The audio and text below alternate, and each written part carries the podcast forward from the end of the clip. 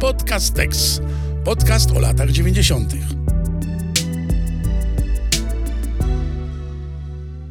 Otóż e, wierzcie lub nie, ale był taki czas, w którym na liście najlepiej sprzedających się płyt nie było 50 czy 75% e, płyt hip-hopowych, a cała sytuacja była e, mocno, mocno zalążkowa. No i tutaj, drogie dzieci, była taka płyta, w roku 96 w listopadzie trafiła na rynek i była to płyta, po pierwsze, do której odnoszono się nagminnie przez lata na rozmaite sposoby, bo była to płyta, którą można było albo kochać, można było ją propsować, można było mówić o tym, że rozwala głowę i że to jest niesamowite, unikalne przeżycie, ale można też było mówić, że to jest nieczytelne, że to jest bełkot, że to jest zupełnie niejasna sprawa. Na pewno nie było zbyt wielu opinii, które były letnie. E, a ta płyta nazywała się e, Księga Tajemnicza Prolog e, i mamy taką przyjemność w podcasteksie, że gości u nas jeden ze współtwórców, jeden z trzech głównych współtwórców, ale oczywiście osób związanych z całym zamieszaniem było więcej i rozmawiamy o Księdze Tajemniczej z okazji 25-lecia wydania tej płyty. Jest z nami Abradab. Siemano. Jak przygotowywaliśmy się do tego wywiadu, to um, po pierwsze, znaczy trzeba sobie zdać sprawę, kiedy się słucha tej płyty, że ona powstała e, w umysłach osób bardzo młodych, e, nastoletnich i jakby się tak cofnąć na przykład do waszych dem, które poprzedzały Księgę Tajemniczą Prolog, e, to część numerów, które trafiły na płytę w 96 już były gotowe dwa lata wcześniej, rok wcześniej. Tak było przy niektórych przypadkach, tak? Więc można by powiedzieć, że niektóre piosenki to były numery autorstwa 15-16-latków. E, I próbowałem tak odwzorować mniej więcej waszą drogę twórczą albo waszą, wasze inspiracje ówczesne. W sensie, czym mógł się jarać nastolatek w 95-6 roku, że napisał takie kawałki, jakie trafiły na Księgę Tajemniczą Prolog. I teraz potwierdzaj albo nie potwierdzaj, bo tutaj wypisaliśmy sobie kilka takich, takich małych inspiracji. Po pierwsze, graliście w RPG, albo któryś z was grał i pewnie to był Warhammer głównie. Albo AD&D, ale raczej Warhammer. Chyba nie Warhammer, z tego co pamiętam Magik grywał, ale w jakieś... E nie jestem pewien. Nie jestem pewien, czy to był Warhammer na 100%, ale tak, tak. A ty grywałeś? Parę razy, ale y, później już raczej, żeby zobaczyć z czym to się je. Mhm. Oraz pewnie graliście w Magię i Miecz, czyli tam to, to się nazywało talizman? No to to tak, to to już na pewno. Mhm. No, no nie, nieprzypadkowo się nazywa tak mhm. również y, Maxi Singer. Jaraliście się w ogóle y, fantastyką i fantazy wtedy? Tak jakoś mieliście to E, wgrane? Ja się jarałem bardzo. Nie mogę powiedzieć, że wszyscy się jaraliśmy. Ja się jarałem bardzo. Do teraz zostały mi ciągoty do science fiction, do fantastyki, do takich różnych rzeczy. Chętnie czytuję, oglądam, zaglądam. Mm, więc tak. E, jaraliście się horrorem? Zakładam, przy czym pe pewne inspiracje są oczywiste, na przykład wymieniacie tam, ty chyba ty wymieniasz nekroskop e, Lumleya w jednym, w jednym z numerów, więc zakładam, że tam było czytane. To, to nawet był pierwotny tytuł Psychozy. Mhm. E, no ale zakładam, że tam pewnie jakiś Masterton też wjeżdżał, jakiś Manitu i tego typu rzeczy. Horrorami się głównie Joka jarał i właśnie Mastertonem, Kingiem i różnymi takimi sytuacjami. Filmowe też? Pamiętasz o jakich czasach mówimy, prawda? Wtedy się wideo brało pod pachę i biegło mm. do kogoś albo odwrotnie, szło się do kogoś, kto miał wideo, także do tego było dużo mniejsze dojście mm. niż do książek. Jasne. Eee, no Wu-Tang to jest, e, to jest tam oczywista inspiracja. Zresztą Wu-Tang to była też rzecz, z której musieliście się tłumaczyć przez przez wiele lat, ponieważ zarzucano wam, że zżynacie dosłownie z utangu i w ogóle cała płyta jest wzięta stamtąd. Hej, hejterzy nie urodzili się wczoraj. E, no ale e, wszyscy trzej, zakładam, e, byliście zajarani metalem wcześniej i żeby ta gitarowa muzyka pewnie gdzieś tam jeszcze roz, rozbrzmiewała. Ty kiedyś powiedziałeś w wywiadzie w 98, że, że też reggae po tym, po tym momencie weszło. E, reggae? Tak. No reggae wyszło później, reggae wyszło zdecydowanie później, już w okolicach mojej solowej kariery, nie tak wcześnie. Natomiast metalem e, no, przez bardzo krótką chwilę, raczej rapcorem, hardkorową muzyką taką mocniejszą niż, niż stricte metalem. Mateusz, chcesz yy, jechać z zajawkami dalej? Tak, ja chcę pogłębić tą e, listę inspiracji. Mamy tutaj parę rzeczy, oczywiście takich jasnych na, tak na pierwszy strzał, czyli Yo MTV Raps i jakieś rzeczy satelitarne, no bo wiadomo, że tych źródeł hip-hopu w ogóle, rapu wówczas, mówić o tym, że amerykańskiego to, to jest bardzo oczywiste, nie? No bo kurde, no, średnią tradycję mieliśmy tutaj na miejscu, jeżeli chodzi o, o inspirację, jakieś rzeczy w rodzaju e, color shocku, e, jakieś programy telewizyjne, gdzie ewentualnie puszczano rzeczy z MTV, nie wiem, non-stop color, chyba tego typu e, rzeczy były emitowane wówczas. E, ale mamy tutaj też na tej liście, może błędnej, może nie, rzeczy e, polskie. Co do tego, czy e, rapowe, to oczywiście dyskusja jałowa trwa dalej. E, mianowicie mówię tutaj o rzeczach e, kazikowych, kazikowych, KNZ-owych. Na, na ile to był też dla was jakiś tam punkt, może nie tyle odniesienia, co zainteresowania wtedy? To było w ten sposób, że mm, usłyszeliśmy kiedyś, że, gościu z kultu nagrał płytę, gdzie rapuje. Kazik i wtedy, i do teraz odżegnuje się od tego, mówi, że to nie jest rapowanie. On był w Stanach, widział jak się rapuje i to jest jego melodeklamacja. Mm, ale ta płyta, e, spalam się, przynajmniej pierwsza, no bo mega mocna. To jest świetny materiał. Ja do teraz uwielbiam jej słuchać. I ona inspirowała nas wszystkich. Wymieniłeś tutaj MTV Raps. Mm, pamiętajmy, że mówimy o roku 96. Wspominając różne kolor szoki czy audycje, które się pojawiały, to może wy ale ja musiałbym się upewnić, czy one były w 96 już. Bo to były naprawdę bardzo wczesne czasy, więc tutaj nie ma żadnej mowy o, o, o polskim rapie, już nie mówiąc o hip-hopie. No, również nie nazywaliśmy tego hip-hopem, tylko to był hardcore psychorap i koniec. Hip-hop do nas przed później, rok później, dwa lata później, kiedy wydawaliśmy kolejną płytę i zrozumieliśmy to wszystko, skumaliśmy. Katowice to była czarna dziura gdzieś na końcu świata, albo kawałek jeszcze za jego ogonem. Tam no, nic prawie nie docierało. Także do, docierały koncerty duże, które były w Spodku, ale, no, ale to były odjazdy, to była Arawa Blues, to były sytuacje, w, e, czy tam jeszcze jakaś tam techniawkowa impreza była, no to były sytuacje odmienne zupełnie muzycznie. Także MTV Raps nie tyle nawet mogę nazwać inspiracją, co naszym jedynym źródełkiem i, i, mhm. i, miejscem, gdzie chodziliśmy się karmić po prostu strawą duchową. I to również wtedy Magik miał e, telewizję satelitarną, więc o ile było to możliwe, to chodziliśmy oglądać, bo w którymś momencie było z tego, co pamiętam, na polski czas o 11 czy o 12 w południe, w któryś dzień weekendu, ale później przesunęli to na pierwszą w nocy, czyli na lepszy czas u nich, jak już to się stało bardzo w Stanach popularne. No i wtedy już zostawało tylko nagrywanie to na wideo i, i tłuczenie tego, oglądanie w kółko z wideo, nagrywanie na kasety kaseta do Walkmana i heja. No to wiesz co, muszę w takim razie zapytać też o, kontekst gier. Teraz się już mówi szlachetnie gry wideo, wtedy po prostu jakieś po prostu gierki na, na komputer, mówiąc najogólniej. Mówisz o tym, że muszę, bo wiadomo, że jakby ta, ta baza bitowa i niektóre dźwięki, które wykorzystujecie, to są po prostu rzeczy pochodzące wprost, czy to wcześniej chyba z Commodore, a potem już z Amigi, ale wciąż wiadomo, że ten sprzęt taki nobliwy z dzisiejszego punktu widzenia. Na ile, y, na ile gierki właśnie mówiąc najogólniej dla was były wtedy też jakby inspiracją w takim sensie, nie wiem, jakieś wiesz, nocne granie w Duma i tak dalej, no bo to też była jakaś taka mm, opcja, żeby sobie gdzieś uciec jednak, nie? Bo wokół może nie jest najciekawiej, ale tutaj jakieś tam raje, wiesz, dziwne się, się tworzą. Y, lubiliśmy, w zasadzie wszyscy lubiliśmy, ja lubię do teraz i, i wielu z nas w naszym wieku również lubi do teraz gdzieś tam sobie w to uciec. Nie wiem, na ile to mogło być inspiracją do samej muzyki. To, to była zawsze jakaś odskocznia od szkoły, od rzeczywistości, mm, e, że wskoczyć. Ja tam, no Duma owszem, ale zawsze byłem fanem strategii, dla, to przez noc z piątku na sobotę czy sobotę na niedzielę, no to do, do siódmej rano nad cywilizacją siedziałem jedynką. E, tłumaczyłem nawet, znajdowałem tam te pliki i, i tłumaczyłem ją sobie na polski, miałem taką wkrętkę. Mm, natomiast jednak do hip-hopu i do rapu to przede wszystkim muzyka, jednak MTV Raps, to co do nas docierało. Ja odkąd zobaczyłem jak to wygląda, to zawsze chciałem to robić. Powiem tak, no, mhm. dzieciaki zawsze biegają, skaczą, tańczą do czegoś, coś im się podoba, ta muzyka co trzy miesiące się zmienia na inną. No ja nigdy się nie wkręciłem w, w punk na przykład. Mnóstwo moich kolegów wtedy z podstawki słuchało punka.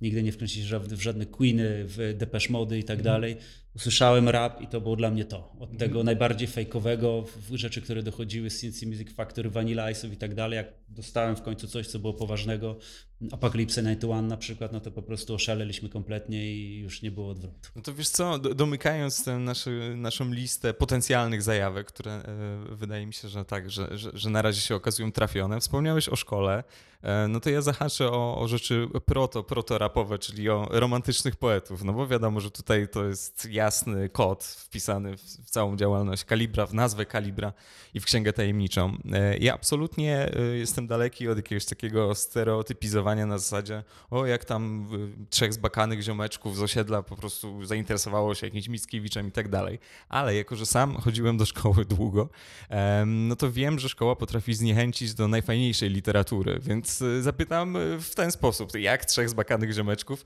ale właśnie, gdzie, gdzie jest ten taki moment jakiejś jednak, no nie wiem, czy można powiedzieć, że fascynacji tymi wątkami, bo nawet jeżeli odrzucimy sobie to 40 i cztery e, z nazwy, no to przecież takich rzeczy, które można przykładać do literatury romantycznej na Księdze Tajemniczej jest więcej. Czy ty pamiętasz, jakby, czy, czy, czy to była w ogóle wspólna zajawka, która mm, jakoś wynikała naturalnie, czy ktoś był tutaj takim prowodyrem na zasadzie, że to, to jest takie w ogóle pojechane i ciekawe, ten Mickiewicz, to, to jakieś tajemnicze światy, czy, czy był tutaj jakiś taki punkt, który da się określić? Nie, no wiesz co, no, byliśmy w, w, ziomeczkami zbakanymi, ale wrażliwymi na różne rzeczy. Jednak życie kręciło się w dużej mierze wokół szkoły.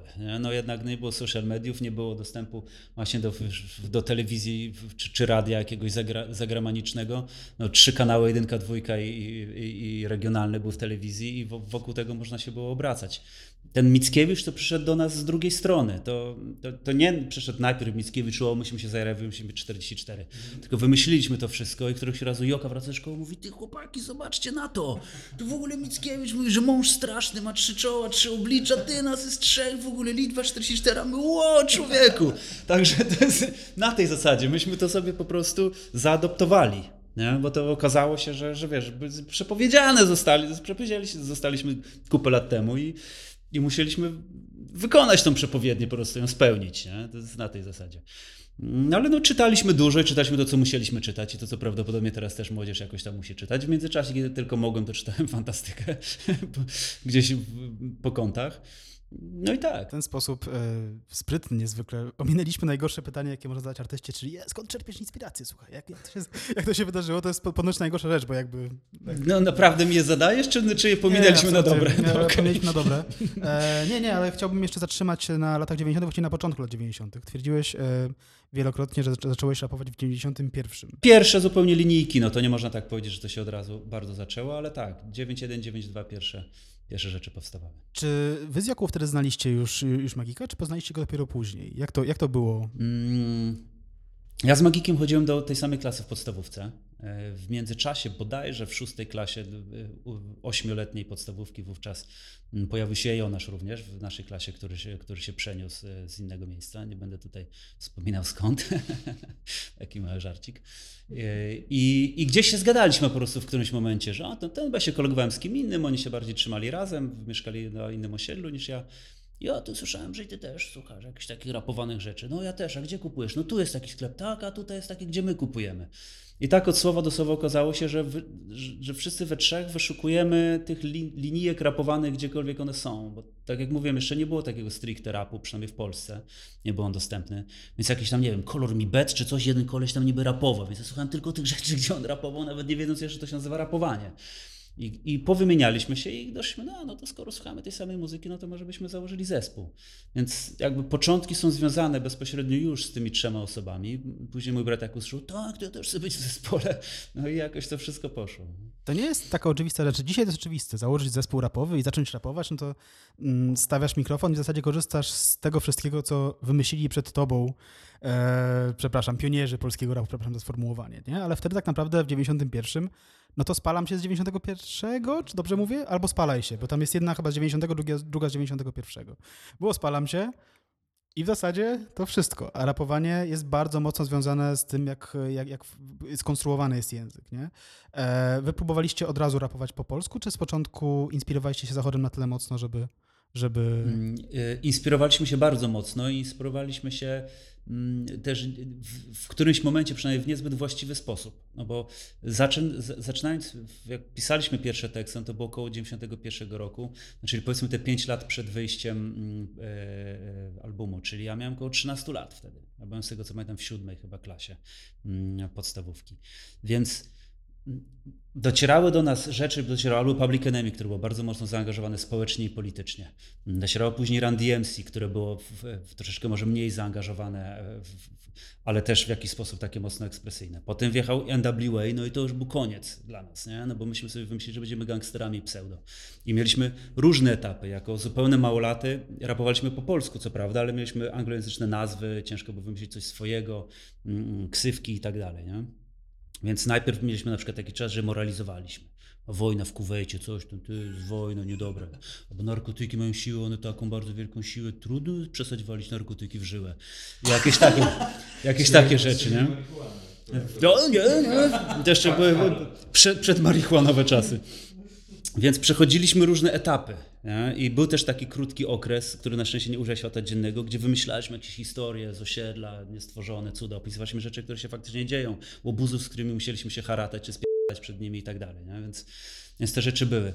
I ta ewolucja do tego psychorapu, czyli wracam troszeczkę do jednego z pierwszych pytań, które mówiłeś, jak to się stało, że w ogóle myśmy to napisali, wymyślili, no to była ewolucja wielu różnych y, przepoczwarzania się, wielu różnych pomysłów i podejścia. Więc mieliśmy już trochę mm, szansę te najgorsze swoje teksty napisać i na szczęście je gdzieś zostawić w kuferku, w szufladzie i nie wypuszczać ich na świat.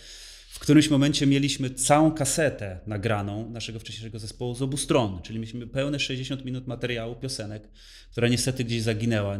Nie mam tego i do tego nie mogę wrócić, z bitami z Commodore 64 i tak dalej. I no, to tam były już najróżniejsze jakieś sytuacje, różne historie z życia poopisywane. Więc do tego momentu nasze zryte berety dojechały gdzieś w którymś momencie, żeby wygenerować na inspiracjach już również łutengowych, mm, gdzie się mocno podkręciliśmy, że musi być stylowa, musi być inne rapowanie, że ten rapuje tak, ten tak, ten spokojnie, ten się drze. To wszystko już nam pozwoliło to dość długie eksploatowanie tej muzyki kilkoletnie. Wspomniałeś o czasach przedmarihuanowych. Kiedy ta marihuana się zaczęła? Bo jakby nie, nie da się ukryć, że ona była dość dużą inspiracją do powstania debiutu Kalibra. E, kiedy zaczęliście palić i jak to w ogóle było dostępnością wtedy, taką nastoletnią dostępnością marihuany w waszym e, najbliższym otoczeniu? Nadziei. Nie była dostępna po prostu w ogóle. Była mitycznym jakimś czymś, co gdzieś można było garniać. Kupowało się najpierw na szuflady czyli na pudełka po zapałkach. Potem kupowało się na Bixy albo na Kodaki, czyli na pudełka po filmach e, e, do aparatów fotograficznych. Obie te rzeczy chyba już teraz nie żyją. Nie wiem, zapałki może jeszcze żyją, ale chyba taka klisza do aparatu już nie żyje. Z, z, zaraz ci pokażę moją lodówkę, bo, bo moja dziewczyna robi zdjęcia, ale generalnie tak, retro, retro temat. To były czasy mm, już szkoły średniej, więc nie aż takie znowu wczesne, jak na dzisiejsze standardy jak na ówczesne standardy były, było to wcześniej, bo raczej e, marihuana była kojarzona z, z, ze stanem studenckim, e, z, z takimi już raczej dorosłymi ludźmi. No ale gdzieś tam ktoś coś przed kogoś i tak dalej, potem w czym to zapalić, jak to? I co z tym zrobić? I w ogóle jakość tego, jak do teraz pamiętam, no to jak, jak majeranek jakiś ususzony, zmielony. W żyłę do nosa, do ucha, wszędzie gdzie się dało, do, na bułkę pomiędzy pomidorka a szynkę, gdzie się dało. No i tak, no i był to boom. Młode umysły zobaczyły coś innego, inne postrzeganie świata. Uważam do teraz, że jest to dużo bardziej kreatywne postrzeganie niż jak się piwo wypije czy, czy coś mocniejszego. No i gdzieś wyobraźnia ruszyła. No, czyli wracając do Kazika, y, chcąc, nie chcąc, nie, nie było towaru na mieście za bardzo. E, z tego, co mówisz, ale bo to też jest ciekawe, jest taki wywiad z Kazikiem, który jest Bartkowi dobrze znany e, i Kazik tam akurat komentuje mm, film o Pakto i mówi też o waszym, waszym występie, chodzi o, o, postaci, które was odgrywały, no i że to jest niefortunne i tak dalej. Nie chcemy, nie chcemy się w to zagłębiać, bo już byliście o to pytani, e, zdaje się, nie raz. Natomiast on mówił o tym, że no, że tam pokazali ich jako takich i, śmakich i że generalnie, że tam trawka, trawka, a przecież ja ich poznałem i generalnie tam już było wokół sporo hajsu e, i w związku z sukcesem e, komercyjnym debiutu, chociaż być może masz inną perspektywę, o co też chcieliśmy zapytać, ale też rzucił tam mocno, że no jeżeli chodzi o chłopaków z Kalibra, no to tam, tam były grane, grane różne rzeczy i niekoniecznie tylko trawa, również cięższe tematy, więc bielsze, tak, bielsze. Tak, tak, tak. Żeby, żeby nie było, że coś tam, żeby nie było, że coś tam przetworzymy. E, pomijam już to, że w filmie w ogóle nie jest poruszony temat narkotyków, które grane tam były na potęgę i nie mówię tu o marihuanie, ale też o bielszych i mocniejszych rzeczach. Mateusz wspomniał, że dobrze znany jest mi to wywiad, dlatego że ja go robiłem, e, ale tak, ale jak się do tego odniesiesz? Przy czym trzeba powiedzieć, że że jeśli on mówi w kontekście filmu o paktofonice, to już mówimy o latach 98-2000, tak mniej więcej, nie?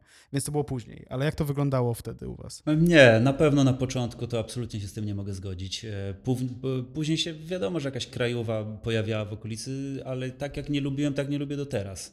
I raptem korzystałem kiedyś, żeby się nauczyć czegoś i tak dalej, w- ilościach niewielkich, po to, żeby nie spać przez noc. Nie przepadałem nigdy za, za fukaniem się i bieganiem z wywalonym jęzorem gdzieś na wysokościach lamperii. E, dlatego nie, jakieś kwasy czy piguły, czy nie, to są jakieś późniejsze rzeczy i wcale nie w takich ilościach, że mogłyby nas pokrzywić i, i sprowadzić do, do robienia takiej muzyki. Okej, bo właśnie byłem ciekaw, czy, czy ta droga do, do psychodelii jednak stylistycznej, no bo kurde, Księga Tajemnicza jest płytą psychodeliczną, co się zowie, taki jest mój, mój odbiór i nie tylko, jeżeli chodzi o słuchaczy. Czy ta droga wiodła tylko, tylko i wyłącznie przez marihuanę? Nie, nie, nie, to jest przesada. W tamtych czasach jeszcze mieszkałem z rodzicami, to jakby nie jest, jest, jest niewykonalne. Włóczyłem się i tak dalej, to, to mówię, jakieś może pojedyncze, pojedyncze sytuacje, ale, ale na pewno nie, nie, mówię, nie w takim stopniu. Dobrze, to jest chyba czas, żebyśmy przeszli do takiego segmentu naszego, naszej rozmowy, w- w którym czytamy list, który dodawaliście do demówki waszej w roku, jak zakładam, 95 lub na początku 96, dlatego że tutaj jest, są, są daty koncertów, które, które graliście. E, ja go może przeczytam na głos. I jak, je- jeśli chcesz mi przerywać, to bardzo proszę i, i komentować pojedyncze. To 9-5 Fragmenty chyba to- jest, no bo w, w 95 podpisywaliśmy się już z SP Records, wychodził pierwszy singiel, więc to musiało być wcześniej. Mhm. To jest tak. E, Aha, i przepraszam, tylko wspomnę, że ten list jest wzięty z kolekcji Piotra Opoki i był on zawarty, znaczy leżał on sobie tam, wisiał na ścianie na wystawie Zajawka o śląskim hip-hopie w Muzeum Śląskim e, dwa lata temu bodajże. I czytam. Sprawdź to. Już plemniki naszych ojców były raperami, dlatego kochamy tę muzykę i jesteśmy tą muzyką. W szóstej, siódmej klasie szkoły podstawowej, lata 1990-92, założyliśmy pierwszą grupę, Young Rappers. Później V3, czy V3, tak? V3, no. V3. Była to jednak nieudana próba przez U otwarte. Nie będę się czepiał, tak, ale dobra, ale to pisał, ale to pisał, e, pisał Magik. tak? To jest pismo Magika. E, próba stworzenia czegoś, na co nie mieliśmy warunków. Później powstał Triangle of the Truth, dub i Okamak. Muzykę tworzyliśmy na prymitywnym C64, więc nie miało to przeszłości. Następnie doszedł do nas em, Gun, ale to jest VOMW? VDMW. VDMW, przepraszam. Very Dirty Money Washer. Bardzo brudny pracz pieniędzy.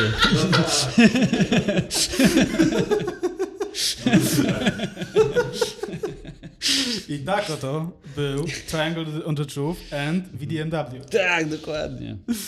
Tak było. Tak Potwierdzasz było. potwierdzam, tu tutaj o ręce na stół potwierdzam. W naszej grupie pojawiła się Amiga. Kochana. Komputer amatorski, ale dźwięk jego bliski jest profesjonalnemu. Wkrótce jednak grupa rozpadła się, a na jej miejsce powstał ułamek tarcia.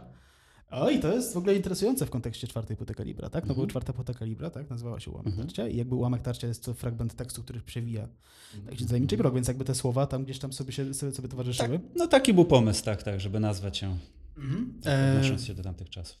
Był też moment, w którym z tłumaczeniem angielskim poprzedniej nazwy próbowaliśmy rapować w tym właśnie języku. Zespół stanął w miejscu, głównie z powodu muzyki, do momentu, gdy jako Kaliber 44, e, i tu jest data konkretna w ogóle, dzienna, 93 rok i to jest 30 listopada. Czyli to jest prawdopodobnie data powstania nazwy, tak? I guess?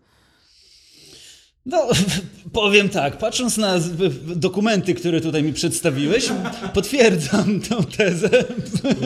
Te, tak, teza staje się bardzo prawdopodobna. A, Myśmy do ZPN-u wyciągali, wiesz, daj spokój, ile czasu.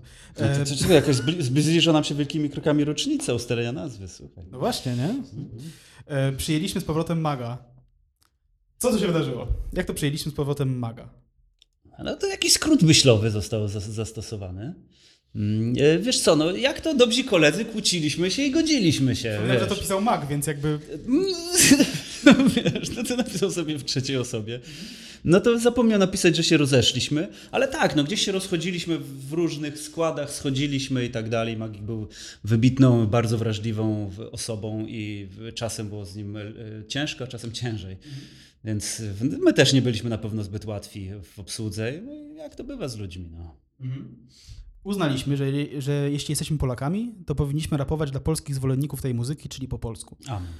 E, Postanowiliśmy być twardzi i ostrzy maksymalnie. Takie, e, takie też kawałki powstawały w błyskawicznym tempie i w dużych ilościach, gdy nadszedł ten dzień, w którym jest tutaj nieczytelny fragment. Przejrzeliśmy chyba na oczy To może i lepiej, wiesz co? i zobaczyliśmy, że to... się zaczerwieniać, jak ty to czytasz. Przepraszamy, no. Rumieniec mnie tu oblewa. Jakby też nie wiem, czy się konfrontowałeś z tym jakoś tam. Pewnie byłeś na wystawie, tak? Muzeum Oczywiście, że Śląskim. byłem na wystawie. Która była świetna swoją drogą. ambasadorem tej wystawy, tak. I swoją drogą, jeśli ktoś by był ciekaw, to ona wisi jako na stronie Muzeum Śląskiego, w, tam można się przejść y, wirtualnie, nie?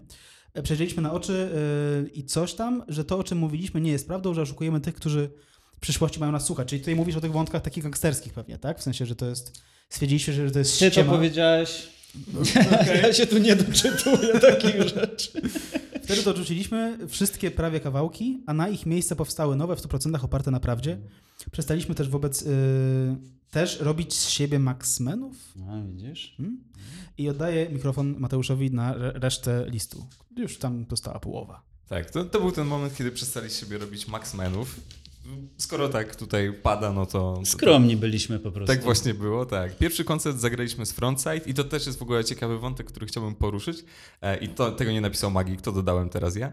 E, to oni wyciągnęli nas na imprezę w Jastrzębiu i pokazali, jak się występuje przed ludźmi. Do dnia dzisiejszego zagraliśmy na sześciu imprezach. No i e, poza tym, że tutaj jest e, sporo ciekawych wątków związanych z wami w tamtym momencie, natomiast to mnie bardzo zaciekawiło, kiedy sobie czytałem tę- rozpiskę taką e, z trasy. Frontside w Jastrzębiu. Tutaj mamy, nie wiem, Hawk, Frontside znowu i tak dalej. Sporo generalnie, o, mamy też Myslowic, tak swoją drogą chyba. Tak, na- zaczynaliśmy w podobnych czasach. tak, tak, tak, tak, tak. E, No tak, no i, i też podobne rejony, przynajmniej na początku, Tak. no bo potem to, to gdzieś tam wystrzeliło wam wszystkim. W każdym razie sporo składów gitarowych. No i o tym, że, że wy mm, muzyki gitarowej, hardkorowej słuchaliście wcześniej, to, to już mówiliśmy i wy też sami przyznawaliście się do tego, ale jestem ciekaw, bo wy w pewnym sensie, jeżeli chodzi o ekspresję i o też jakąś taką, no jednak radykalność tego, jak, jak Księga Tajemnicza brzmi, co mogło wynikać z wielu rzeczy, ale jest to, jest to coś intensywnego, wy mogliście w pewnym sensie być traktowani jako taki pomost między właśnie czymś tam nowym, powiedzmy, rapowanym, a jednak tą sceną gitarową, no też jednak dosyć świeżą, bo co tam hardcore w Polsce, nie? no to wiadomo, że, że, że, że luźna sprawa. Jestem ciekaw, jak was odbierała ta publika bo wydaje mi się, że z gruntu jednak gitarowa, z gruntu rockowa, jeżeli mamy tutaj takie, a nie inne składy. Bo wiele razy się mówiło o tym, że tak, że dla niektórych debiut Kalibra już jakby od startu, wow, geniusz, co, w ogóle co, co to za goście, a inni mówili, nie, to jest jakieś takie po prostu nie, nieczytelne gówno, przepraszam. I czy dla nich właśnie to było jakby łatwe do zinterpretowania, że ej, ci goście mają różne inspiracje i że oni są w sumie jakoś tam nasi? Czy spotkaliście się z czymś takim, że e, jakby... Wiesz co, mam panowie? wrażenie, że ta muzyka jest nawet dzisiaj trudna do zinterpretowania. A wiesz, my by- byliśmy wtedy kosmitami. I to takimi totalnymi kosmitami, nie takimi wiesz, zielonymi, co mają czarne duże oczy. My byliśmy jakąś psychoplazmą w ogóle, wiesz, z Saturna. Wszyscy grali z gitarami, myśmy przychodzili, odpalaliśmy play i, włączaliśmy muzykę. Psycho jakąś, wiesz, zrobioną w domu, niezmiksowaną dobrze i tak dalej, wiesz. I skakaliśmy, darliśmy się, podskakiwaliśmy, wiesz, byliśmy poprzebierani, jakieś wiszące szelki, koszulka na koszulkę, wiesz, no nie było, nie było hip-hopu, nie było rapu. E, większość ludzi była albo skinheadami, albo depeszami, wiesz, albo punkami. I wiesz, i dla wielu to było bardzo nie okej, wiesz, część się z nas śmiała, część się bardzo jarała. My byliśmy zawsze bardzo ekspresyjni. e, tak jak mówię, na koncertach wydawaliśmy z siebie 100%, e, a publiczność była taka, jaka była. Mieliśmy to szczęście, że w dość krótkim czasie bardzo wielu ludzi w naszym regionie nas polubiło. Tak, to, tak większość tych koncertów, albo nawet wszystkie, to są koncerty na Śląsku zagrane. Ludzie już za nami jeździli, wiedzieli, że gramy, to się jakby rozchodziło, że będziemy grać, więc mieliśmy wsparcie. Ale ludzie słuchający muzyki gitarowej, no to nieraz patrzyli, no spierdalajcie stąd, co to jest w ogóle, nie? Także łatwo nie było. I właśnie, i to jest jednak kontekst, no gdzieś tam e, plus minus. Nie, nie chciałem, żeby to było kulawe nawiązanie do płyty, ale no jednak młodych ludzi, odbiorców, tak, słuchaczy czy, czy zespołów. Ale właśnie tak rozmawialiśmy z, z Bartkiem, to wydaje nam się dosyć ciekawe kwestia odbioru ze strony e, pani starszej, pana starszego, mamy taty. No bo teraz to ewentualnie jak ktoś powie, że chce, że chce nawijać, co tam ojciec po 50 powie, a to będziesz to tak, tak ją robił i to, to nie, albo napiszesz książkę o tym, jak wychować rapera, tak? Jak niedawno pewna osoba. No ale wtedy y, to tak naprawdę, wiesz, jak y, zajawiliście się hip-hopem, zaczęliście robić własną muzykę, właściwie nie wiadomo, co powiedzieć starym na zasadzie, jakby, bo jakie, jakie oni mają tutaj punkty odniesienia, jak im to wytłumaczyć. Jak to wasze otoczenie najbliższe, e, czytaj rodzice, odbierało to, co robicie, jeszcze nawet poruszając te takie wątki przeddebiutanckie, te, te, te pierwsze lata faktycznie wasze. Czy, czy to była, nie wiem, postawa wsparcia na zasadzie, a fajnie, że chłopaki coś tam robią, tutaj tam sobie piszą teksty, czy to było jakby pełne niezrozumienie i jakby zajmijcie się czymś poważnym, chłopcy? Wiesz co, trudno to teraz znowu zgeneralizować, e, bo wiadomo, że proces, proces był długi i to podejście również się zmieniało. No, podejrzewam, że jak większość rodziców chcą dla swoich dzieci jak najlepiej, więc jeśli dziecko by się zapytało, co, kim mogę zostać tam w przyszłości, to powiedzmy, no nie, no raperem zostań, będziesz jeździł, gra koncerty, jak ci w końcu coś nie siądzie, zostaniesz bez roboty, nie? No, wiadomo, że pchali nas, kończcie studia tutaj, takie, jakieś dobre, a coś, żebyś pamiętaj, że to się kiedyś skończy i tak dalej. No, początkowo traktowali to jako zajawkę. W którymś momencie zaczęli kibicować. No ale był też taki moment, kiedy ta właśnie marihuana stała się tą ością niezgody, stała się tym czymś, co było nie okej. Myśmy przestali się, że jak to się mówi, dobrze prowadzić. Zdarzało się, że, że się upiliśmy gdzieś jako dzieciaki, coś. No, no, no, no, no, trudno było na to patrzeć z uśmiechem. Em, nie? Więc byli wkurzeni, byliśmy nieletni, w, w, staczaliśmy się, zamiast się zachowywać jakoś sensownie. No to nie mieliśmy ale najlepszych kolegów, łaziliśmy gdzieś po nocy, wyjeżdżaliśmy, tylko rap był w głowie i tak dalej, i tak dalej. Więc był taki moment, em, po jakimś takim dość dla nas przynajmniej wewnętrznie, to jest sławetnym wywiadzie z Maxem Cegielskim w Kanal Plus, gdzie myśmy poszli tacy zjarani. Oni to tak jeszcze zmontowali, że zrobili z nas totalnych ćpunów. No pamiętam, że mój ojciec się wtedy załamał kompletnie. Czy mówisz o tym wywiadzie takim na czarnym tle z Magikiem, który wisią Tak. fragmenty jego na YouTubie? Tak, tak. Nie? No to, to moi, Byliście tam zjarani. no moi rodzice przeżyli to strasznie. E, e, e, to ono od razu powiedzieli, no i widzicie, pojechaliście i to telewizja co z was zrobiła, to jest jak małpy i tak dalej, i tak dalej. No więc, więc łatwo nie było. Mijały lata, mijały lata i kiedy zobaczyli, że to jest na poważnie, że te rzeczy idą, że dużo ludzi lubi, szanuje i że z tego zarabiamy pieniądze, to też się podejście zmieniło. No ale ten jednak używki zawsze były problemem. To, co mogę powiedzieć, no to wtedy, tak jak mówisz, no nie mieli punktu odniesienia. No była muzyka rockowa, była muzyka taka, siaka inna, no ale co teraz ma powiedzieć rodzic w dzisiejszych czasach, jak przyjdzie dzieciak i powie, że chce robić rap? No, odpal sobie teraz większość dzisiejszego rapu, no to sorry, ale my przy nich to jesteśmy jakimiś zakonnikami. W ogóle to był pełen luz. Jaranie to jest w ogóle, wiesz, czy to, że ciemno jest na ulicy, a ty idziesz i masz schizę, to to jest pełen luz. Jak sobie włączam rzeczy, które są na top 50 teraz w Polsce, no to naprawdę, kurwa, no dobra, no jakby no ja się nie czuję, że robię tą samą muzykę. Po prostu, że stoję gdzieś tam w jednym rzędzie z tymi ludźmi i tak naprawdę przez całe życie się nie czułem. Czyli ten kawałek e, Łony, Łona jest tam 5 lat młodszy od ciebie, tak chyba, czy 4, nie? A ten kawałek Młodszy. Łony, tak mi się wydaje, on jest 8, Chyba nie. 2, 3? Tak mi się wydaje. No, może nie. E, Niemniej ten kawałek Łony, e, raperzy są niedobrzy, tak? Nie wiem, czy No. pamiętasz taki, że tam, e, w którym podmiot liczny dyskutuje ze swoją mamą na temat tego, że, że może przestać rapować, tylko wziąć się za ten. To był kawałek, który pewnie w jakimś stopniu był dla was takim wspólnym doświadczeniem, nie? No pewnie, że tak. No Marginesie Łona jest genialny w tych, w tych jego historiach i opowieściach, także no, to, to, to jest przez świetny pryzmat to pokazuje. Dobrze, ku twojej uciesze wróćmy do listu. To jest końcóweczka. A, okej, czy, no ty, czy dobra. ty chcesz kontynuować? Napiję się wody czy, czy ja mam tutaj? Tak, to ja, ja z przyjemnością do, dokończę te, te, te, te, męczarnie z archiwaliami. E, jesteśmy już za e, listą koncertów, e, to już przegadaliśmy sobie pokrótce i następnym, tak, no to mówiliśmy, że tutaj się dzieje przełomem kalibra.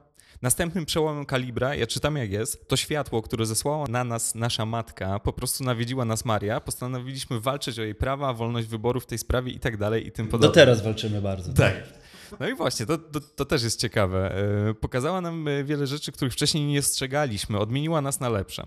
E, Więc tutaj takie, takie Lekko żenujące to jest, co w tym momencie robisz. Może przyznać. Jakbyś tak mógł nie brnąć dalej, to byłoby to z korzyścią, przynajmniej dla mnie. Tak walczyliście o te prawa, że parę lat później Kwaśniewski podpisał nowelizację.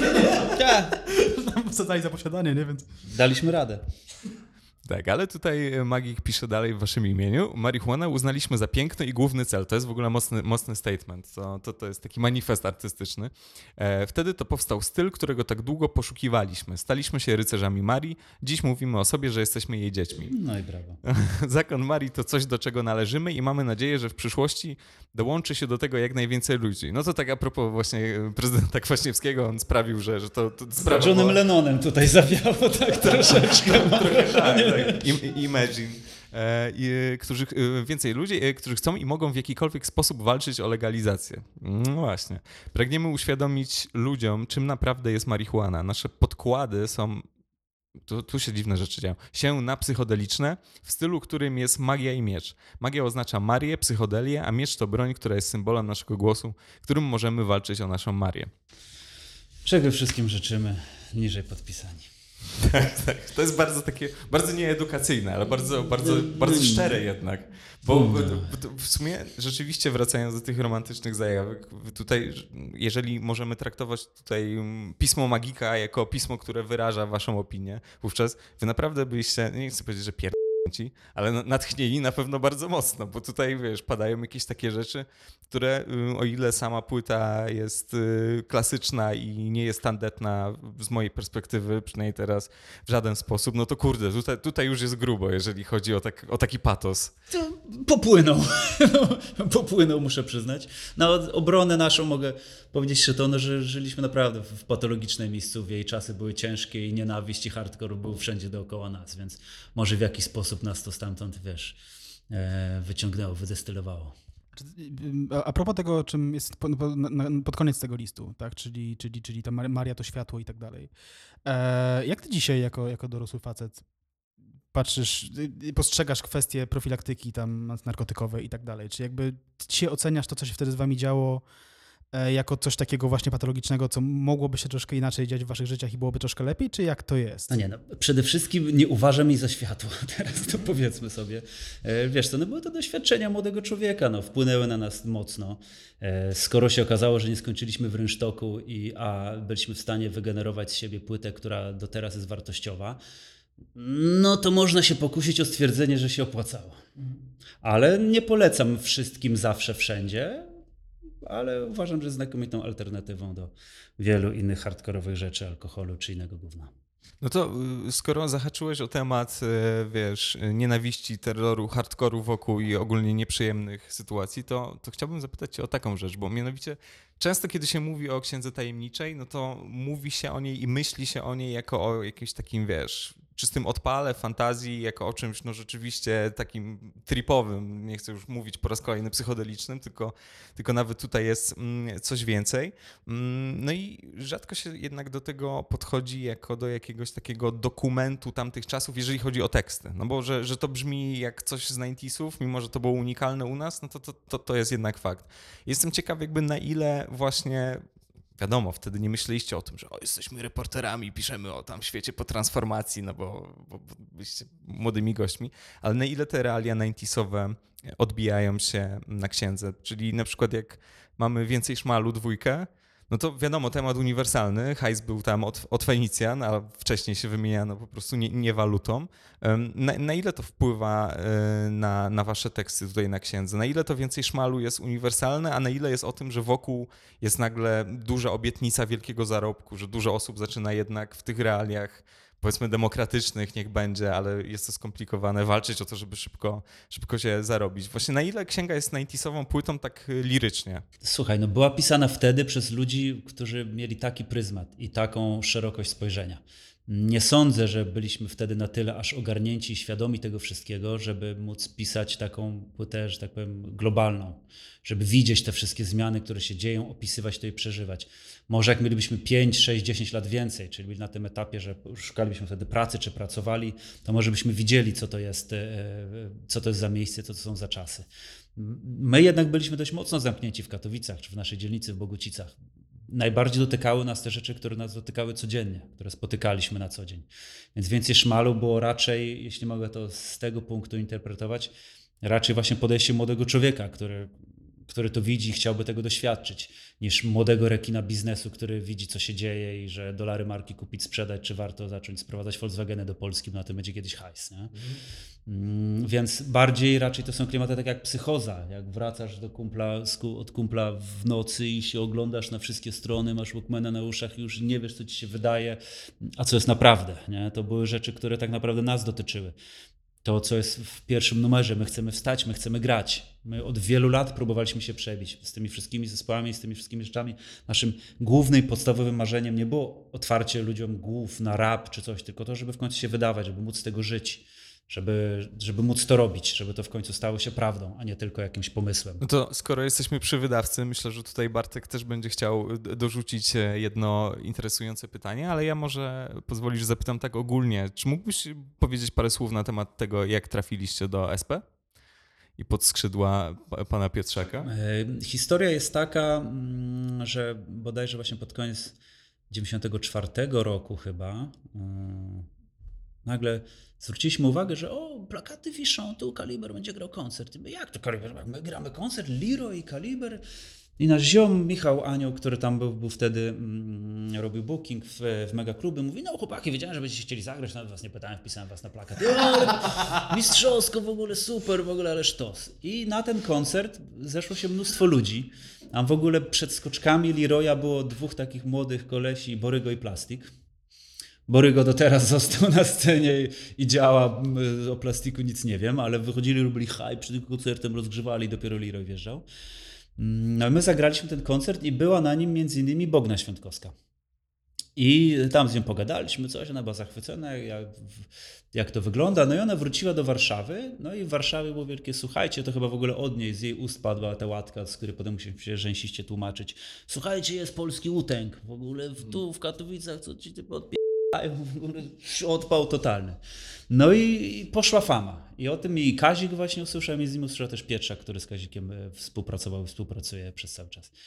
I on dostał jakoś namiar do Magika i któregoś razu dzwoni do mnie Magik i mówi, ty słuchaj, bo tu dzwoni taki koleś, to jest wydawca Kazika, on chciałby nas wydać. I tu oczywiście mała, mało miasteczkowo się odezwało, no nie stary, będą chcieli nas przykręcić na pewno. Moi rodzice nam zawsze, zawsze to mówili, uważajcie, bo pojedziecie tam w ten wielki świat, małe rybki tutaj ze Śląska, wielkie rykiny was opierdolą. I wiesz, i ale jak, człowieku, ten, on nie, poczekaj, on do ciebie zadzwoni, wszystko ci wytłumaczy. No i pamiętam, dzwonił do mnie na telefon domowy, stacjonarny, może ktoś jeszcze pamięta takie ustrojstwo. No i opowiadał, że tu tak, siak, śmak i tak dalej. Więc dowiedział się o, o nas i, i wydaje mi się, że to jest taki sposób chyba nawet w dzisiejszych czasach najlepszy z możliwych, kiedy wydawca się sam dowiaduje, że jest coś zajebistego i, i co można wydać niż, niż odwrotnie, niż chodzić się prosić o, o kontrakt. No i pojechaliśmy, pogadaliśmy, poopowiadał, pokazał. No dla nas to było wielkie coś. E, Wielkie wydarzenie i te wszystkie podróże do Warszawy, kiedy trzeba było wysiąść i dojechać. Oni mieli na Anielewicza wtedy pierwszą siedzibę. No jak to? to wysiadały małolaty w Warszawie. Wow, w ogóle Mariot jakiś wyjebany i dojść na Anielewicza. No nie było Google Mapsów, nie było coś na zasadzie. Boże, pamiętam ten pierwszy raz jak tam jechałem, nawet chyba sam jechałem coś tym tramwajem, to myślałem, że zwariuję w ogóle po tym mieście. Także te emocje były naprawdę grube. No i tak, i tak doszło. No zaufaliśmy. Przyjechał, porozmawiał z rodzicami. No, płyta wychodziła w moje 18 urodziny, więc, więc rodzice musieli podpisać umowę za mnie. Mm, Pierwszą płytową. Magik był z marca, więc to już mógł podpisać, mógł podpisać sam. Ja, że z listopada to mi się nie udało. No reszta już jest historią. Czyli tutaj mm, przyznajesz y, rację Kazikowi, który stwierdził w wywiadzie, że przyznaje się po części do odkrycia Kalibra 44, to Kazik był istotną postacią. Tak, tak. Kazik też y, opowiadał o nas, promował, mówił. Zresztą e, jak się reaktywowaliśmy w w 2016, tam wcześ- wcześniej chwilkę graliśmy koncert w Stodole, to Kazik też był. E, Zaglądał na wszystkie nasze koncerty, także, także super. Ale to też nie była pierwsza wasza, mm, powiedzmy nie próba, no bo to przyszło do was bardziej, tak? Ale to nie była wasza, wasz pierwszy kontakt może z wydawcą, tak powiem, e, ponieważ wcześniej pró- próbowaliście chyba do Metal Mindu, tak? Tak, to już jest taka historyjka, która się anegdotą stała. No, za, zanieśliśmy kasetę i wrzuciliśmy gdzieś do pudełka, zostawiliśmy akurat dlatego Metal Mind był w Katowicach. No, to, to było tak, nie trzeba było nigdzie jechać. To była jedyna wytwórnia, co do której mogliśmy się dowiedzieć, że ona tutaj ma jakąś swoją siedzibę, jakiś swój oddział. Więc poszliśmy, zostawiliśmy tam. Odbyło się, bez, y, obyło się bez jakiegoś kontaktu żadnego. A wracając jeszcze na sekundkę tego Kazika, to mm, e, można mu przy, przypisać i to propagowanie nas, odkrycie również jeszcze z jednego powodu. Zagraliśmy kilka koncertów z Kazikiem na żywo. No, jeździliśmy gdzieś tam za nimi i parę razy nas wpuścili na scenę, dwa czy trzy numery zagraliśmy, zespół ich grał nam, także graliśmy nie ze własnych podkładów, tylko z nimi. Także to też była dla nas nieprawdopodobna i przygoda i nobilitacja, że z kimś takim jak Kazik mogliśmy występować na jednej scenie.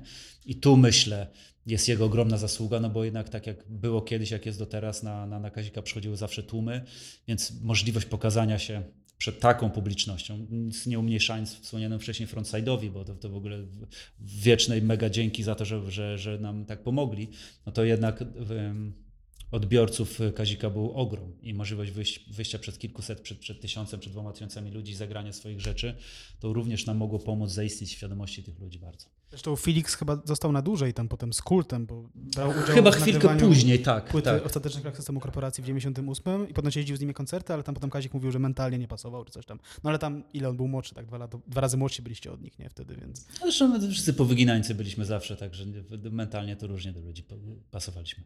Dobrze, to o co chciałem zapytać w kontekście SP Records, bo tak, z kilku wywiadów waszych z, tamte, z tamtego czasu i tam z lat 90. jeszcze z końcówki, e, wynika, że wy byście, wy, wyście byli średnio za, zadowoleni z waszych teledysków wtedy. E, I e, te teledyski były według przynajmniej YouTube'a i według, według kanału YouTube'owego SP Records reżyserowane i pisane przez samego Sławomira Pietrzaka.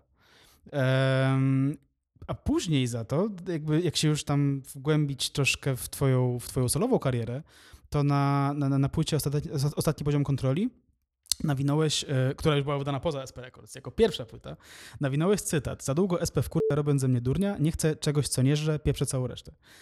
E, przy czym trzeba dodać, że nie byłeś jedynym artystą, który narzekał na SP Records, dlatego że na SP Records w ciągu całego, wszystkich tych lat, 33 dekad właściwie, tak, istnienia tej firmy, narzekał, nawet Kazikowi się zdarzało, narzekali chyba członkowie Pudelsów, nie pamiętam czy, czy, czy, czy sam Maleńczuk, czy nie, narzekało Laocze, e, umieszczając w swojej piosence dosłownie dis na SP Records, tylko puszczony od tyłu i chyba nikt się nie zorientował i to poszło na płytę.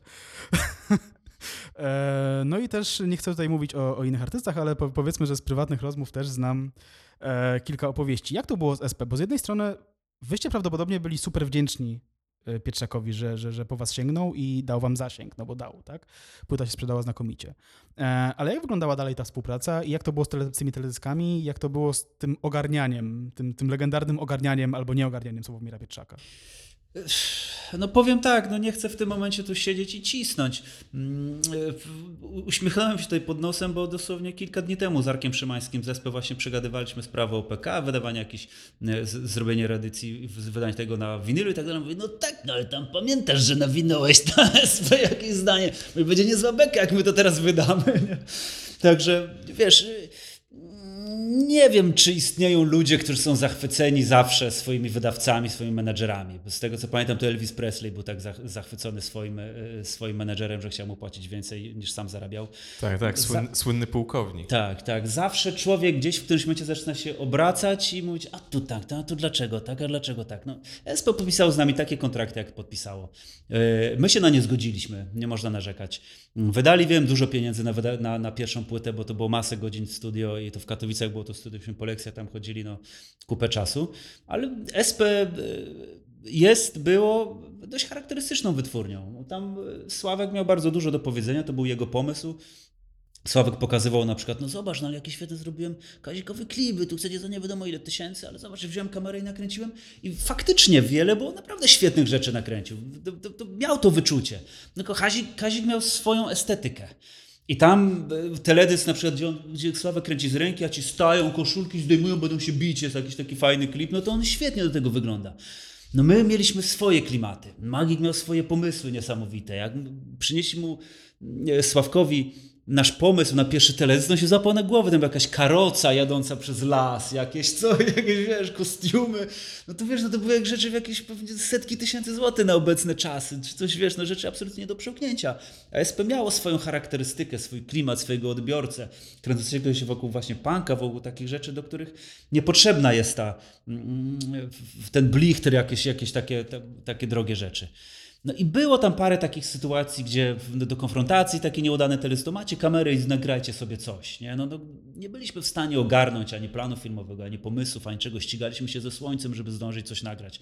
Nie zdążyliśmy, bo słońce zaszło, zanim zajechaliśmy starą gierkówką do Katowic z Warszawy i tak dalej. Człowiek był młody, miał ogromnie skrzydła rozwinięte, wiesz, płyty szły, ludzie nas słuchali, wszystko było fajnie, no i, i chciał więcej. Nie? Po latach mogę powiedzieć, że SP Records jest firmą, która, od której do teraz przez 25 lat przychodzą przelewy regularnie. Wiesz, nie mogę tego powiedzieć praktycznie o żadnej innej firmie, z którą współpracowałem, prawie. Mm, Więc, więc doceniam ich po latach, ale mieliśmy wiele takich sytuacji, gdzie oni ze mnie nie byli do końca zadowoleni, ja z nich nie byłem do końca zadowolony. Ważne jest to, że udało nam się zrobić parę dobrych rzeczy i, i do teraz się witamy i do teraz mówimy o, o przyszłej ewentualnej współpracy. I tyle. No, czyli kwestia tantiem tutaj jest uregulowana, więc tutaj się wszystko zgadza, ale jeszcze chciałem zahaczyć o hajs. Oczywiście nie, nie chcę się wgłębiać w szczegóły kontraktu, tym bardziej, że mówisz, że tutaj rodzice, więc tym bardziej nie możemy tutaj sprawami rodziców finansowymi z, z, tamtych lat się zajmować. E, No ale sam wspomniałeś o tym. Płyty się sprzedawały, ludzie tego słuchali, jakby wszystko było w absolutnym porządku. Różne są tutaj opowieści, no, szczerze mówiąc też z jednym muzykiem współpracującym z SP.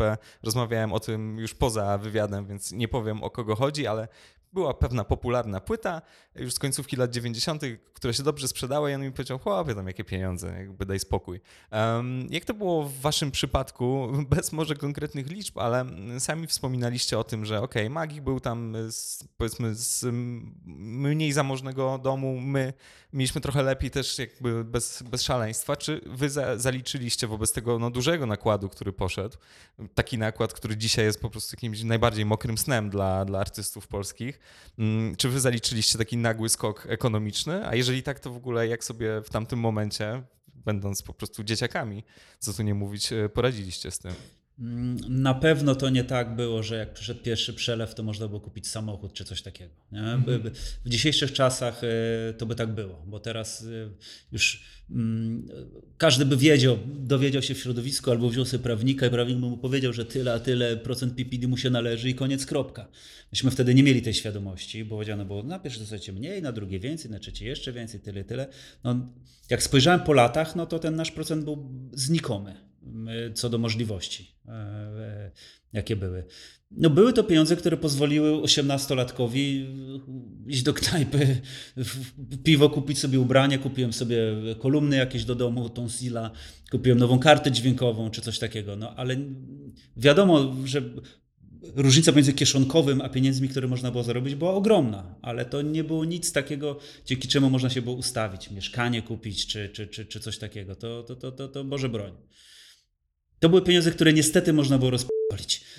Tak naprawdę, gdyby nie to, że koncerty, no to pewnie bym tego nawet nie pamiętał. Koncerty dawały większy, większy zastrzyk gotówki. No to jeżeli jesteśmy przy tamtym momencie, przy hajsie, przy też procesie nagraniowym, tego typu tematy się w tej naszej rozmowie pojawiły, nie ukrywam, że myślę, że mogę powiedzieć, oba jesteśmy bardzo zainteresowani tym jednak no, radykalnym przeskokiem między pierwszą a drugą płytą Kalibra, jeżeli chodzi o stylistykę. E, mamy Księgę Tajemniczą, która niby jest prologiem, ale tak naprawdę cholera wie, może ma być z niedokończonym projektem, może ma być czymś, co się po prostu rozmywa w mgławicy i na razie i robimy inne rzeczy.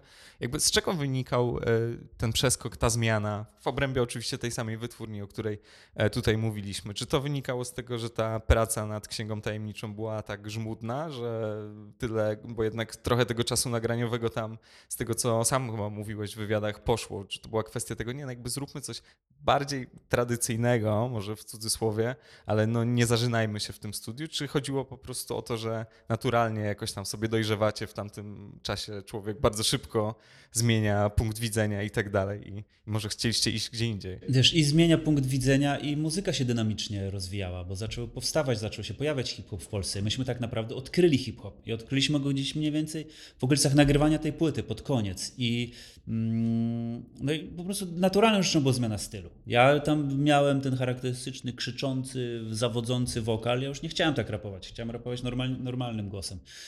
Innej muzyki zaczęliśmy trochę słuchać. My, w mnie Utęgu wjechał track Cold Quest i tak dalej, weszły rzeczy delikatniejsze, spokojniejsze i to nas zaczęło kręcić. My bardzo szybko po wydaniu pierwszej płyty napisaliśmy kilka numerów i tak naprawdę robiliśmy ludziom niezły hardcore z głów, bo graliśmy bardzo szybko po wydaniu debiutu koncerty, na których zaczęły się pojawiać nowe numery. Gruby Czarny Kot i tak dalej. Ludzie mówią, tak, ta płyta dopiero wyszła, to już kompletnie co innego.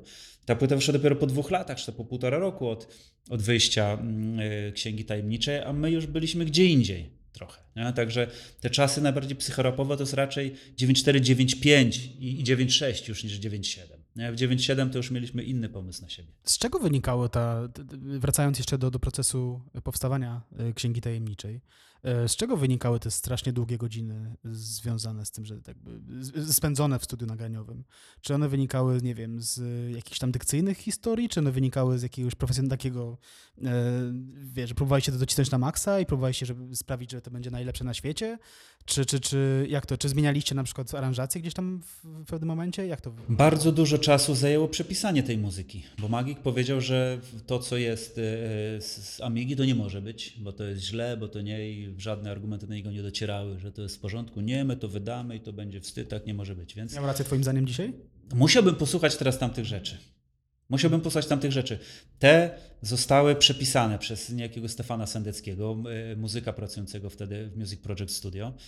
On siedział, jarał Malboro setki na potęgę i przepisywał to, słuchał, gdzie tam jest jakaś melodia, co to odpowiada za bas, co odpowiada za klawisz, co za gitarę i przepisywał to na MIDI. To MIDI brzmiało jak brzmiało, no bo to, to, to MIDI do teraz ma takie charakterystyczne brzmienie, więc nie jest, nie jest to hardkorowe, zajebiste, brudne brzmienie, jest to czyste, ale za to mm, ma pełne spektrum częstotliwości. Jest i dół, góra, środek, wszystko jest i ten i no, Magikowi bardzo zależało, żeby to brzmiało porządnie, że jak się to odpali, żeby to wszystko miało wygar. No i ten chłop przepisywał to po prostu godzinami, godzinami, godzinami. Myśmy wpadali po szkole, no jak tam Stefan, siedzę, słucham tego. W ogóle, tu, a co to jest w ogóle? Muszę znaleźć melodię, no bo tam był jakiś sample polepiony, popleciony, musiał z tego powyciągać melodię. Potem ma jakąś gitarę, dograliśmy jakieś coś.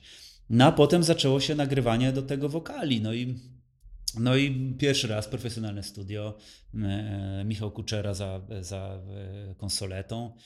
Wchodzę, rapuję, wawam. Dobra, dobra, świetnie, nic nie zrozumiałem jeszcze raz. Więc trwało to naprawdę długo, no bo on się tam czepiał każdego dykcyjnego. Jak już wspomniałem, flow moje nie było łatwe, przejazdy jakieś, a tutaj jeszcze trzeba, żeby człowiek zrozumiał.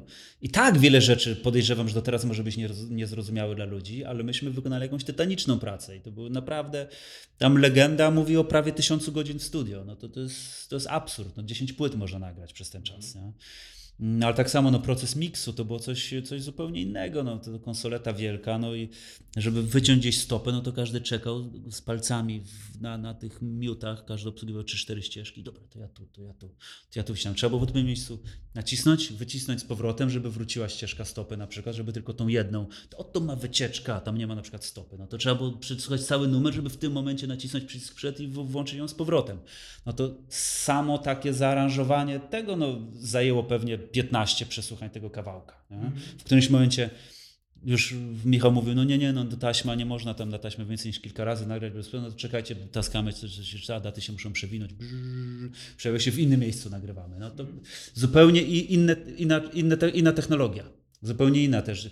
Wejście do studia zanim wszystko było przygotowane, no czas już leciał, ale to nie tak jak teraz, że odpalasz pyk, tutaj sobie jakiegoś protulsa czy coś, dobra, nagrywamy. Wszystko mam. Tylko nie, tu mikrofony podpiąć, ustawić ten, dla was, bo ktoś był inny, wasze taśmy, przewinąć, znaleźć to miejsce, ustawić, czekajcie, czekajcie, muszę konsolety ustawić, efekty powłączać. To jest zupełnie inna bajka. No, on się godzinę przygotowywał do tego, że można było zacząć nagrywać. Byliście bardzo młodzi, jak już po, raz powiedzieliśmy. E, mieliście 20 lat. E, byliście chłopakami z bloków, którzy sobie zrobili, robili muzyczkę na, na, na Amidze tak naprawdę, na, na ten moment, tak? E, jak was traktowano wtedy? Jak was traktowali, traktowały osoby, które profesjonalnie tworzyły muzykę? Czy, czy, czy czuliście jakąś taką, nie wiem, jakąś taką pogardę, czy takie niezrozumienie, że w ogóle co to za dzieciaki w ogóle, the fuck, nie? Co, co? Nie wiem, co oni tam między sobą mówili, a do nas nikt nie wyzygał. Nie, wydaje mi się, że byliśmy tam lubiani.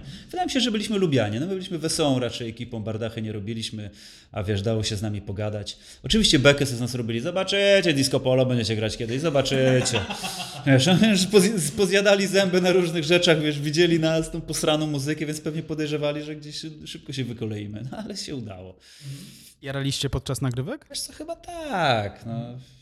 Że nie, że podszedł i rapy od razu, ale gdzieś tam na podwórku chyba tak. No. E, wiesz co, bo no jednak jak e, sprawni matematycznie słuchacze i słuchaczki łatwo policzą, e, 25 lat za moment, więc 20 lat od premiery, 5 lat temu. No i jakby odświeżaliście te rzeczy. Wiadomo, jeszcze w międzyczasie przecież e, nowa płyta Kalibra, mm, no ale było, było jednak jakieś tam celebrowanie tego jubileuszu, było wykonywanie rzeczy mm, na żywo. I właściwie takie trochę składane pytanie, bo mm, gdyby nie ten jubileusz i gdyby nie tamten występ, to bym zapytał, kiedy w ogóle ostatnio słuchałeś Księgi Tajemniczej? Ale jestem ciekaw, jak ty na to dzisiaj patrzysz? Na ile odnajdujesz tam siebie dzisiejszego takiego, jaki tutaj przy nas siedzisz i jaki to było, jakie to było uczucie wykonywać te numery?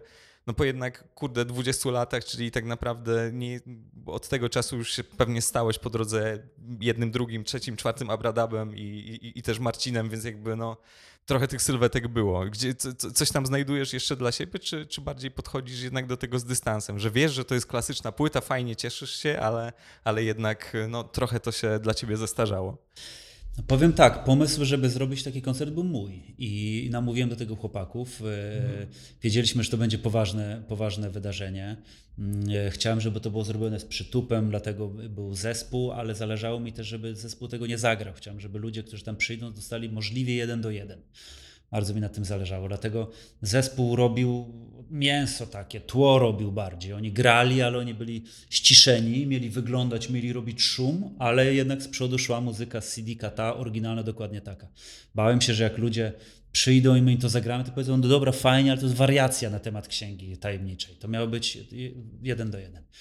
No i też w ogóle było wspaniałym odkryciem, że znalazłem podkłady. Myślałem, że tych podkładów nie mamy i znalazłem jakieś, mówię, mam, jest, jesteśmy w domu. Po czym odpaliłem to sobie, zacząłem to rapować i mówię, "K***a, nie dam rady. Mówię, Jezus, gdzie to jest?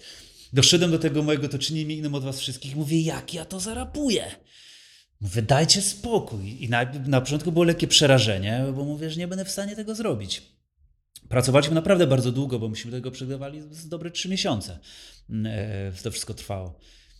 I tak z dnia na dzień przychodziłem sobie do pracowni, odpalałem to codziennie, zaczynałem to rapować i z dnia na dzień zaczynałem to coraz bardziej czuć. Zacząłem do tego wracać sobą. I w którymś momencie było tak, że, że powiedziałem, nie, na tego to czyni mi inno, nie będę w ogóle nawet rapował. Mówiło mi, no, no, no nie przejdę tego, tam są jakieś takie teksty, że mi to nie przychodzi przez głowę, przez gardło. A w którymś momencie ja to poczułem. Naprawdę poczułem to, że to byłem ja kiedyś że to jest to i zaczęło mi to sprawiać ogromną frajdę. Trzeba było się nauczyć tej ekspresji z powrotem.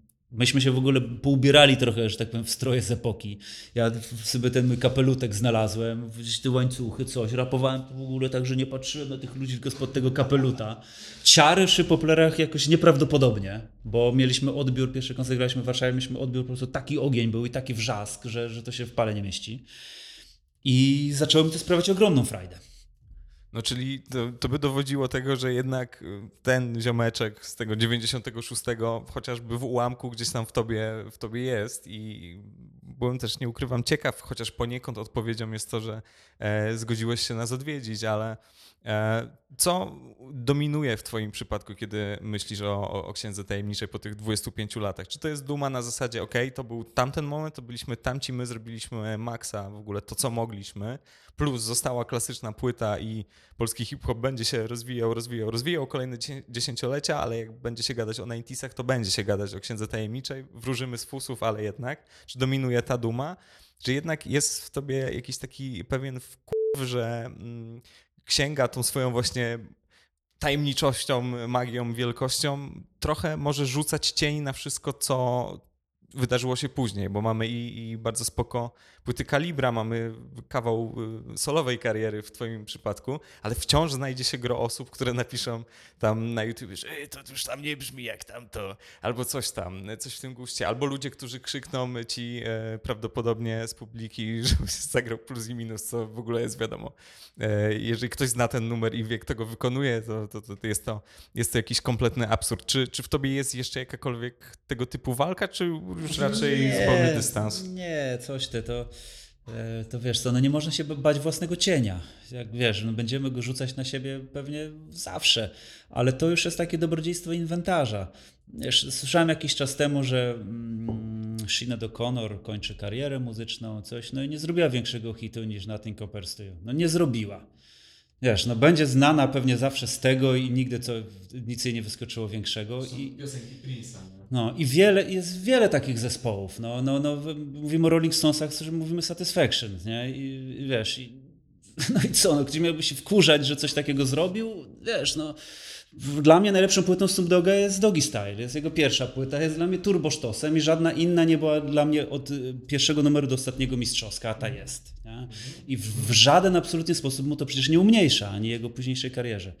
Dlatego no, byłoby rzeczą jakąś strasznie autodestrukcyjną, że jakbym sobie robił teraz krzywdę, że kiedyś coś tam się wydarzyło. Dla mnie to jest mm, ogrom, wielka przygoda w moim życiu, ogromna duma z siebie i z moich kolegów, że udało nam się zapisać nie w historii rapu, tylko w historii polskiej muzyki, chociażby z tamtego czasu, ale jesteśmy tam i nikt nam tego nie odbierze i, i tyle, i nic bym nie zmienił.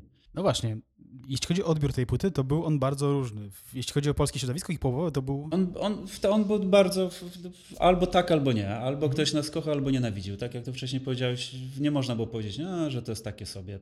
Ktoś albo, albo. Jakiś czas temu oglądałem taki fragment programu nagranego bodajże dla Vivy.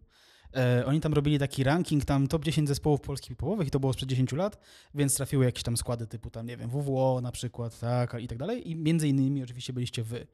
E, no i tutaj na przykład Wienio mówił, że słabo... Aha, i tam oczywiście były komentarze różnych postaci, tak? Związanych z kulturą, albo mniej lub bardziej. E, niekiedy bardzo mniej. tam był mrozu na przykład, no ale dobra. Wienio na przykład powiedział, że słabo, słabo go, was rozumieli i nie umieliście, nie, nie umieliście do was odnieść w żaden sposób, tak? Tede mówił, że nigdy się w ogóle nie jarał i w ogóle, w, w, a, i w ogóle tam wspomnieli, że wkurzało ich e, te zdrobnienia i tak dalej, tak? Jak e, przypomnimy sobie pierwszy taki duży singiel tego typu Mesa, tak? Czyli ten, e, ten typ z u- Ureda, tak? E, na płycie producenckiej, to on tam nawinął właśnie najlepszy jest pierwszy kaliber i zapomnij o tym. To był rok 2002 czy tam 2003, czy już kilka lat, kilka ładnych lat po wydaniu tej płyty i to wciąż jeszcze pokutowało. Ja pamiętam też te czasy z internetu polskiego, że wszyscy się cały czas odnosili do, do, do, pierwszego kalibra, że ten pierwszy kaliber to było ten, nawet fani kalibra mówię, drugi kaliber to tam, e, ale ten pierwszy kaliber to dopiero, nie? E, czy to za, za wami chodziło przez, przez ileś lat i, i czy mieliście już dosyć w ogóle tego tematu pierwszego kalibra? Wiesz co, może kiedyś, ale wiesz, no, no, no, chłopaki byli zazdrośni trochę. No pewnie, że nie musieli się jarać, nie musiało im się podobać, ale to takie, wiesz, umniejszanie, pomijanie, że jest, jest trochę dziecinne moim zdaniem, wiesz. Płyta była bardzo ważna w tym momencie i rozpieraliśmy system. Mm, Chłopaki z Warszawy rościli sobie przez wiele lat e, prawo do tego, żeby być najlepsi, jedyni, liczyli hip-hop w procentach i tak dalej, i tak dalej. Wiesz, dla każdego jego raj. Wiesz, ja wiem, gdzie myśmy zaszli z tą płytą, jak jesteśmy postrzegani. Ja wiem, że wiele tamtych płyt przeszło gdzieś bez echa. Część została oczywiście słusznie uznana kanonem e, hip-hopu czy rapu w Polsce, ale część gdzieś sobie poszła do lasu. I wiesz, to co zrobiliśmy jest nasze i w porządku, nie musi się każdemu podobać. Ja też się wieloma rzeczami nie jarałem i pamiętam, słyszeliśmy pierwsze jakieś rzeczy, niektóre też były, no, no nie były najlepsze technicznie, że tak powiem. No dobrze, to w takim razie myślę, że y, dosyć mocno wyczerpaliśmy temat. Mam nadzieję, że też macie mm, tego typu wrażenie. Poświętowaliśmy sobie w takim razie ćwierćwiecze Księgi Tajemniczej Prologu. E, Naszym gościem był Abradab z kalibra 44, ktoś by powiedział, ale z wielu, wielu innych projektów, o czym e, fani e, muzyki, ludzie, którzy śledzą to, co się dzieje, wiedzą, bo przecież są też nowe działania, nowe projekty, żywe instrumenty, o których była mowa, również tutaj są e, u boku. Bardzo Ci dziękujemy. Wielkie dzięki. Dziękujemy. Podcast przygotowali Bartek Przybyszewski i Mateusz Witkowski. Czytał Tadeusz Drozda.